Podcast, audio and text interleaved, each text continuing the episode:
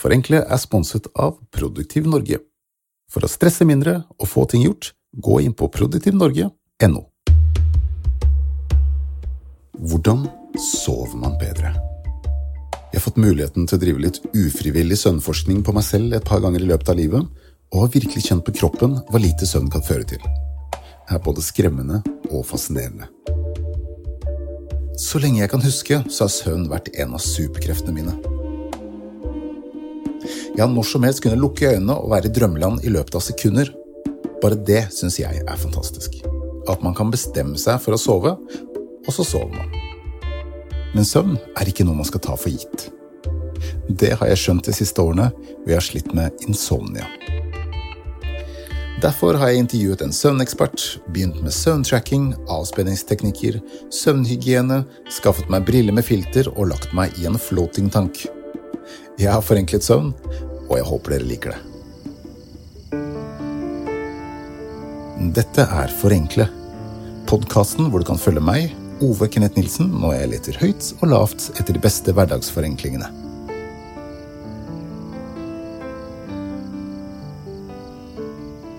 Det som er med søvnproblemer, er at det øker stadig forekomsten av det. Eh, og vi tror jo dette har med livsstil å gjøre, altså hvordan vi lever livene våre, som gjør at søvnen er under et stadig større press. Dette er Harald Rubo Strøm, som er lege og driver Oslo Søvnsenter. Han har også skrevet boka Sov godt råd og øvelser for deg som drømmer om bedre søvn. Og så er det jo selvfølgelig en hårfin overgang fra søvnproblemer og til søvnsykdommer. Når noen har fått et så stort problem at de slutter å gå på jobb, eller slutter å møte vennene sine, eller dropper ting de har lyst til å gjøre, da, da begynner det å nærme seg en sykdom. Og Det er de som har det vi kaller for insomni, altså de som enten sliter med å få sove, eller våkner opp midt på natten, eller våkner for tidlig på morgenen. Det er insomnigruppen. Og så er det noe som heter døgnrytmeforstyrrelser.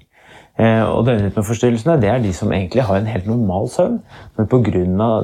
tidspunktene vi forholder oss til i samfunnet, så, eh, så får de et søvnproblem fordi de ikke klarer å sovne på samme tid som andre, og de klarer ikke å stå opp på samme tid, samme tid som andre.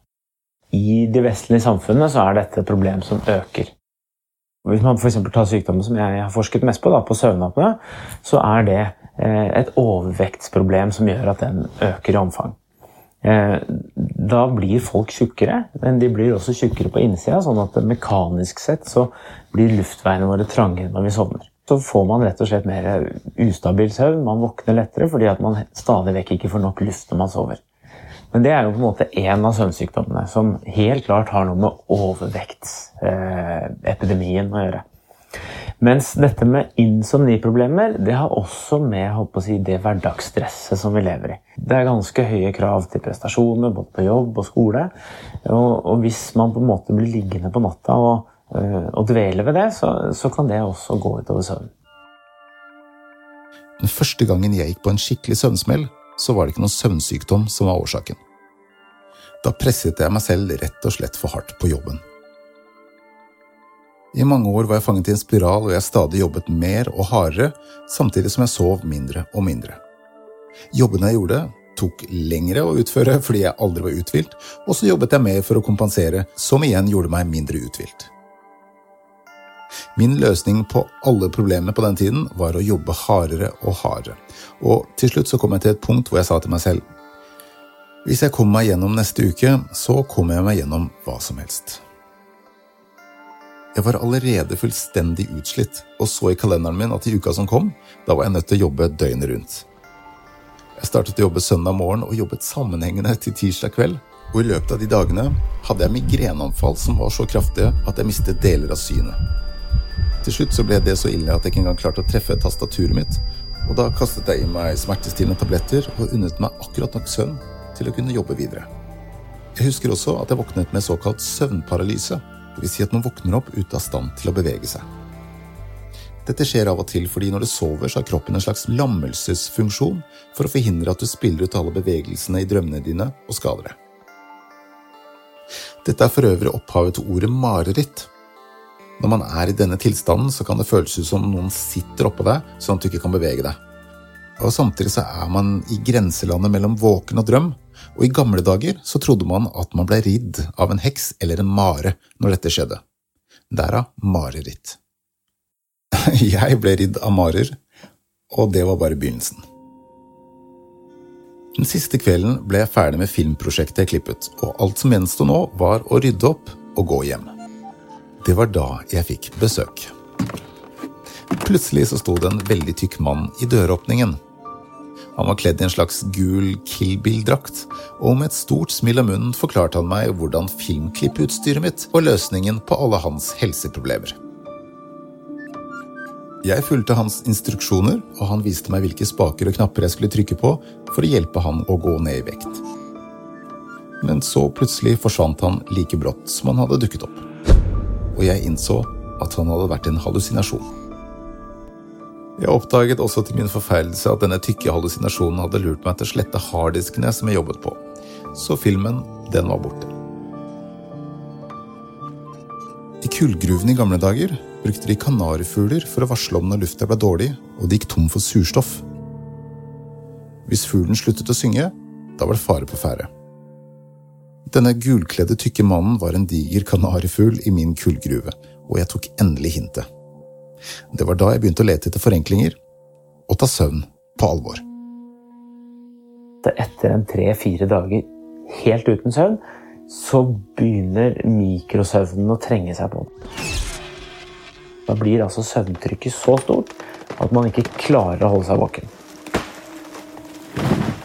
Så er det da rett og slett livsfarlig å sette seg bak rattet i en bil f.eks. Eller eh, prøve å, å, gjøre noe risikofylt eh, aktivitet. For da sovner man eh, uten at man får noe forvarsel på forhånd.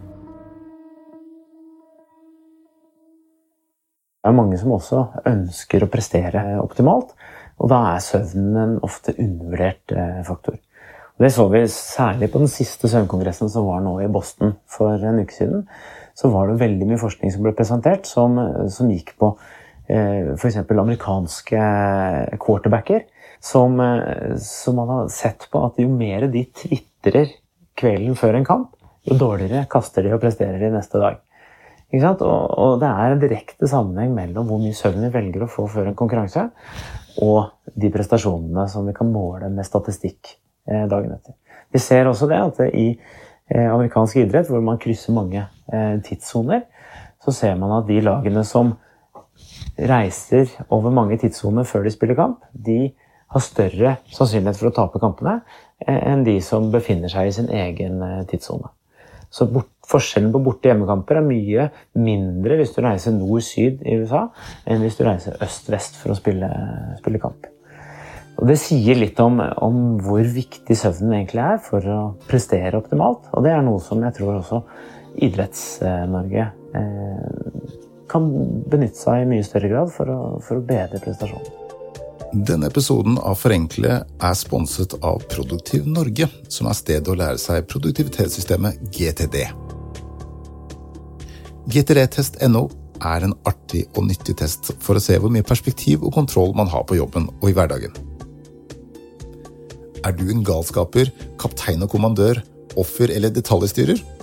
Det kan du finne ut i løpet av et par minutter på gtdtest.no. Tar du testen og legger igjen mailadressen din, så vil du få en invitasjon til et gratis introwebinar om GTD. Og du vil få noen helt konkrete, praktiske teknikker som vil hjelpe deg å forenkle hverdagen. Sist jeg tok testen, så falt jeg i galskaper-kategorien. Men det fine med denne testen er at den forteller deg hva du bør jobbe med, så denne gangen så skåret jeg faktisk kaptein og kommandør. Ta testen du også, og få mer oversikt og kontroll med GTD. Gå inn på gtdtest.no.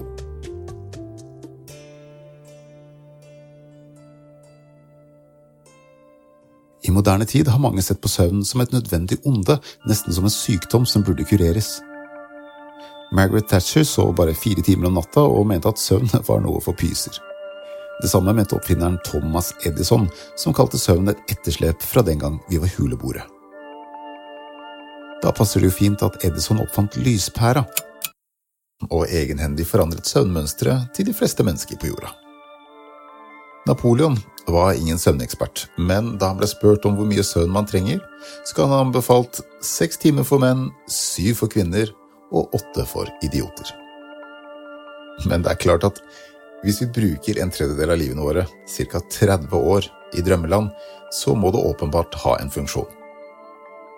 Vi vet i dag at søvn er viktig for bl.a. hukommelse, immunforsvar, reaksjonstid, konsentrasjon og humør, og for deg som trener eller passer på vekten, kroppens forbrenning og evne til å bygge muskler reduseres også hvis du ikke sover nok, samtidig som matlysten øker.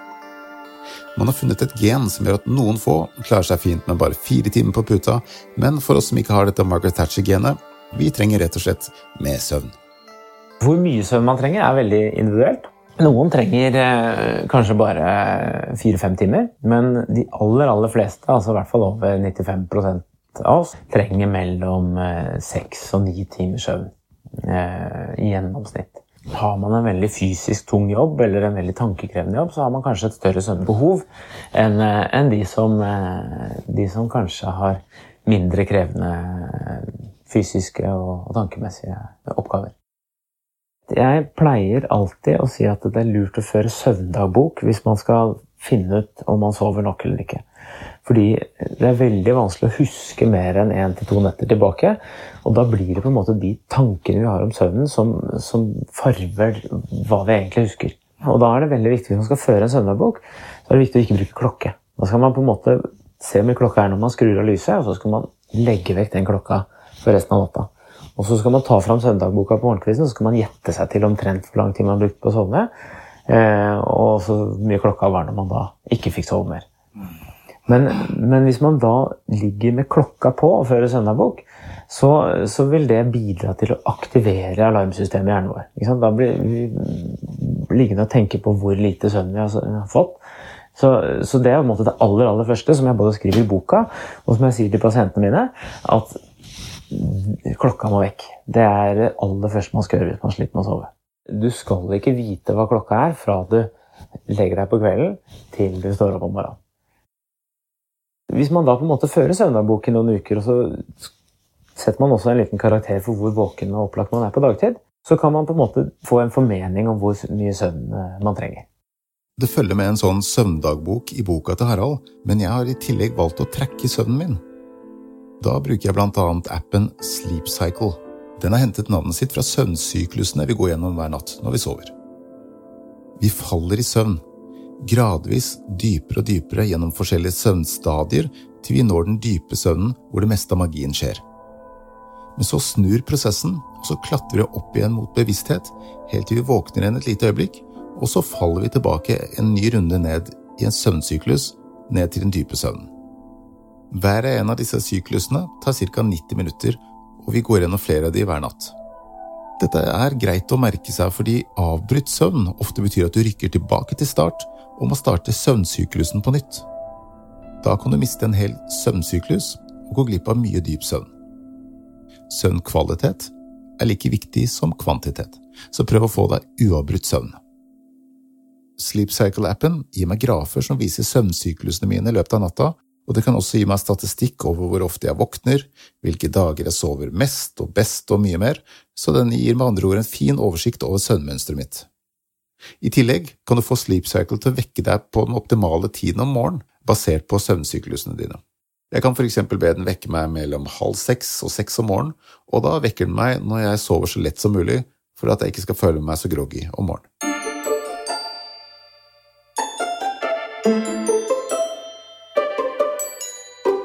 I det hele tatt, Læring skjer i veldig stor grad når vi sover. Og det er forskjellige deler av søvnen som er forskjellige for forskjellige hukommelsesprosesser.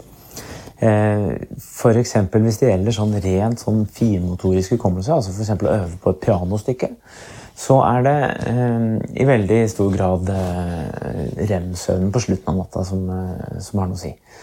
Og da, da, har man gjort forskning på det som viser at hvis man øver og øver og øver på et pianostykke, så vil man være, oppnå en viss ferdighet i løpet av den dagen. Og så etter en natts søvn så vil man da prestere bedre enn man gjorde før man la seg den kvelden. Og, og, det, og, det, er egentlig helt fantastisk. At, at en, måte, en av de viktigste oppgavene til søvn er sannsynligvis å sortere ut alle de uviktige delene.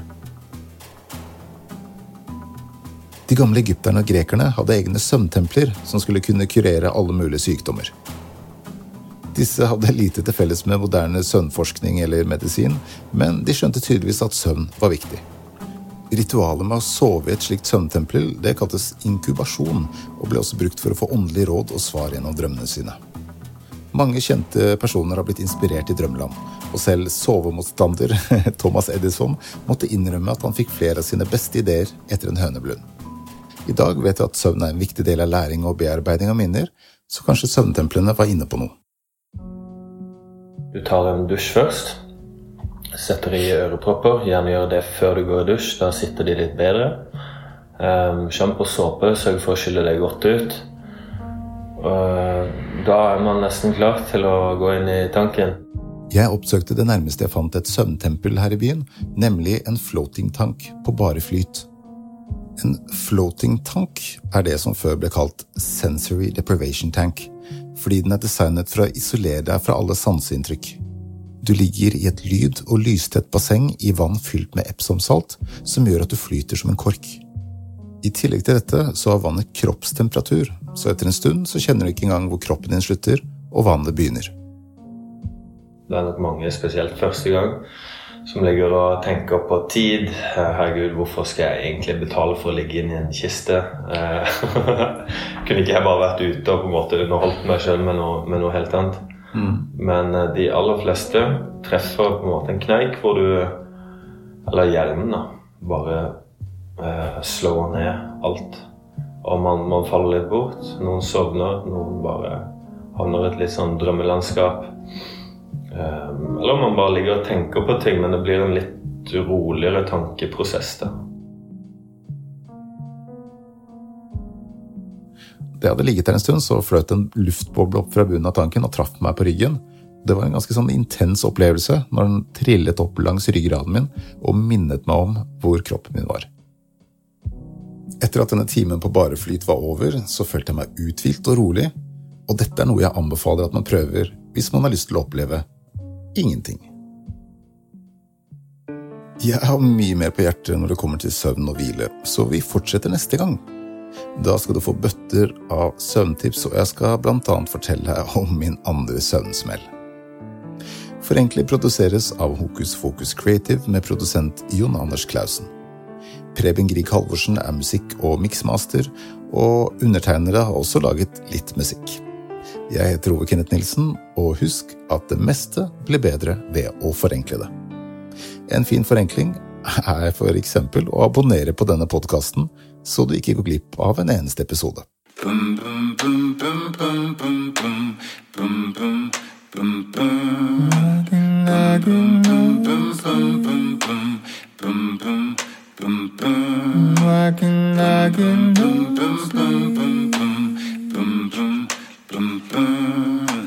Come down, boom, boom, boom, boom, boom. Get. Why can't I boom, boom,